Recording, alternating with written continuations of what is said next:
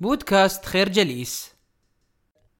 في العاشر من فبراير من عام 1996 وبالتحديد في مدينة فيلادلفيا في ولاية بنسلفانيا الأمريكية كان لاعب الشطرنج الروسي الشهير وبطل العالم آنذاك جاري كاسباروف يخوض مباراة في الشطرنج ضد جهاز كمبيوتر يدعى Deep Blue طورته شركة IBM ورغم أن تلك المباراة لم تكن أول مباراة لبطل العالم ضد جهاز الكمبيوتر إلا أنها شكلت نقطة مفصلية في تاريخ اللعبة. كونها المرة الأولى التي يخسر فيها بطل العالم في الشطرنج أمام جهاز الكمبيوتر يعتمد بشكل كلي على الذكاء الاصطناعي. في كتاب التفكير العميق يأخذنا كاسبروف في رحلة عبر تاريخ ومستقبل الذكاء الاصطناعي والشطرنج وأجهزة الكمبيوتر. استلهم كاسبروف فكرة الكتاب من خبرته التي نالها خلال العديد من مباريات الشطرنج التي خاضها ضد أجهزة الكمبيوتر في فترة التسعينيات. وكيف أن أجهزة الكمبيوتر ظلت عاجزة عن هزيمته لفترة من الزمن حتى تطورت بشكل تدريجي إلى أن تمكن جهاز ديب بلو من قلب الطاولة في منتصف التسعينيات. في الواقع بدأت محاولات مبرمجي الكمبيوتر لاختراع جهاز يستطيع التغلب على البشر في لعبة الشطرنج منذ منتصف الخمسينيات من القرن الماضي. عندما قامت مجموعة من المبرمجين في مختبرات لوس لاموس بمدينة نيو مكسيكو الأمريكية بتطوير جهاز كمبيوتر يدعى مانياك 1 في عام 1965 وكغيره من أجهزة الكمبيوتر آنذاك كان مانياك 1 بحجم غرفة فصل دراسي ويزن حوالي 450 كيلوغراما. رغم ذلك كانت سعة الذاكرة المحدودة للجهاز السبب الرئيسي في خسارتها أمام اللاعبين المتمرسين في الشطرنج إلا أن ذلك لم يمنع جهاز مانياك 1 من التغلب على بعض اللاعبين المبتدئين في اللعبة مما أعطى المبرمجين بوادر مبشرة لإمكانية تغلب الذكاء الاصطناعي على العقل البشري. حتى في المهارات الذهنية المعقدة. منذ ذلك الحين استمرت أجهزة الكمبيوتر في التطور من خلال مضاعفة السرعات وسعة الذاكرة. يمكن تفسير ذلك من خلال قانون مور الذي ينص أن سرعة معالجات أجهزة الكمبيوتر تتضاعف بشكل مستمر كل عامين تقريبا وبحلول عام 1977 ومع تطور برمجيات الشطرنج التي توصل إليها الخبراء تمكنت الآلة من منافسة الفئة العليا من محترفين اللعبة والتي تقدر بأفضل 5% ممن كانوا يمارسون اللعبة أنذاك. الفكرة احتدم الصراع بين محترفي الشطرنج وأجهزة الذكاء الاصطناعي في فترة الثمانينيات والتسعينيات إلى أن تمكن Deep Blue من هزيمة كاسباروف وإعلان بدء عصر الذكاء الاصطناعي بكامل قوته. من خلال سرده لحكاية التحدي الذي كان يدور بين الآلة والإنسان في لعبة الشطرنج. يلفت كاسبروف انتباهنا أن هنالك العديد من الوظائف والمهام والمهارات الذهنية اليومية التي يمكن للآلة أن تتفوق فيها على الإنسان بمراحل. في يومنا هذا ليس من الصعب علينا أن نتخيل اختفاء مهنة أمين الصندوق في السوبر ماركت فنحن نرى بأم أعيننا كيف اجتاحت أجهزة الدفع الذاتي المحلات في كثير من المدن ولا ينحصر الأمر على قطاع المبيعات فقط. فنحن نرى كيف بدأت الآلات وأنظمة الذكاء الاصطناعي تجتاح العديد من الوظائف وخاصة في قطاع الخدمات. عندما بدأت الثورة الصناعية كان جل تركيزها على استبدال البشر العمال في القطاع الزراعي والصناعي حيث أصبحت الآلات أكثر كفاءة من الإنسان والحيوان. في القيام بالمهام التي تتطلب جهدا جسديا عاليا.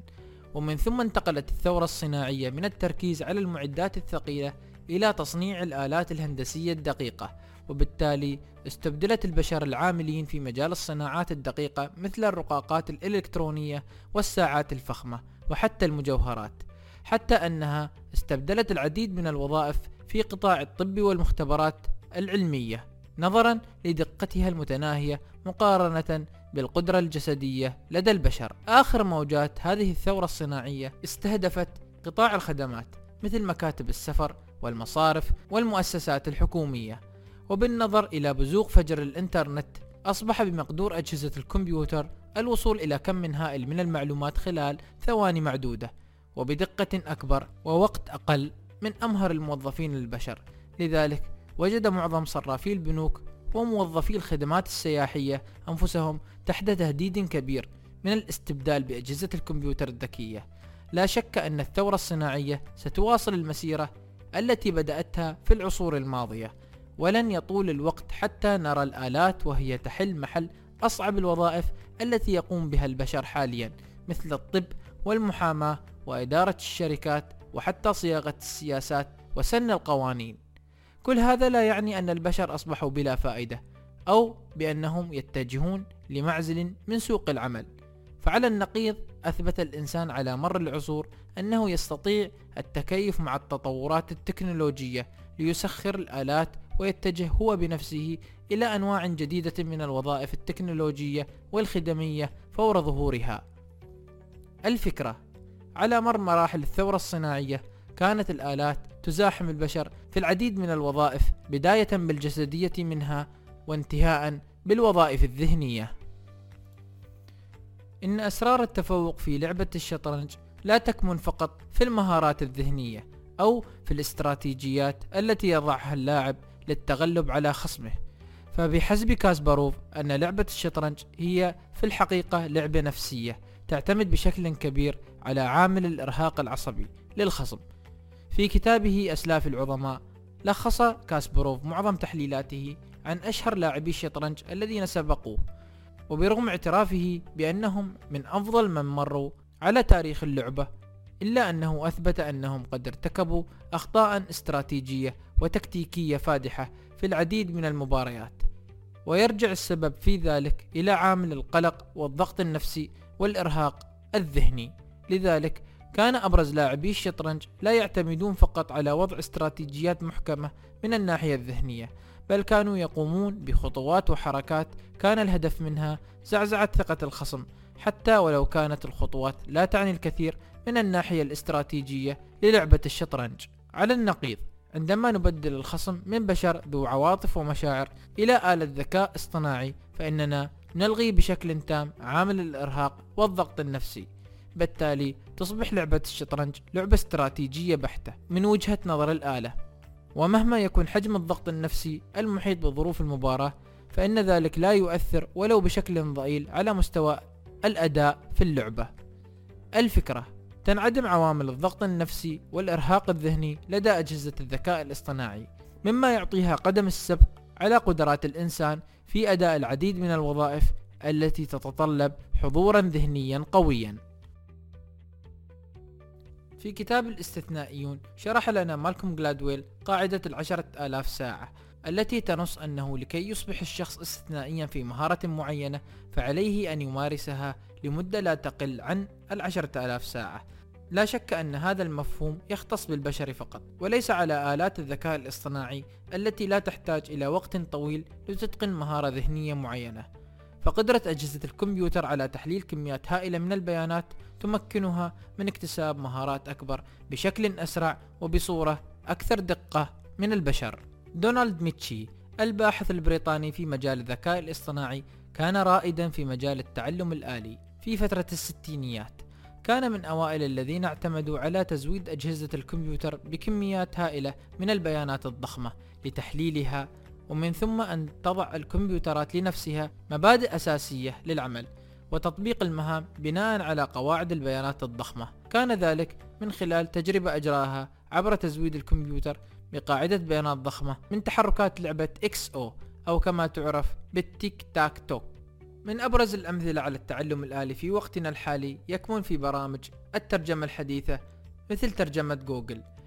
فإذا نظرنا إلى طريقة عمل هذه الأنظمة نجد أنها في الحقيقة لا تملك مخزونا من اللغات التي تم تخزينها مسبقا من مبرمجي نظام ولكن في الحقيقة يتم برمجة أنظمة الترجمة الإلكترونية من خلال تزويدها بملايين الجمل التي تمت ترجمتها من خلال أشخاص إلى عدة لغات عالمية. وبناء على هذه الترجمات البشرية يقوم النظام بتجميع أفضل ترجمة ممكنة للجمل التي تقوم أنت بكتابتها في مربع الإدخال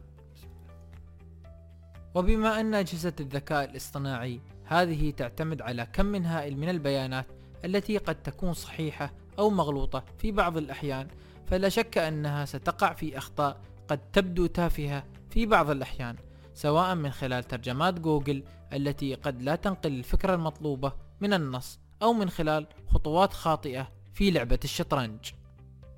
الفكرة. يعتمد التعلم الآلي بشكل أساسي على كمية البيانات التي يتم تزويدها لأجهزة الذكاء الاصطناعي. رغم ذلك لا تزال هذه الأنظمة تقع في أخطاء بديهية.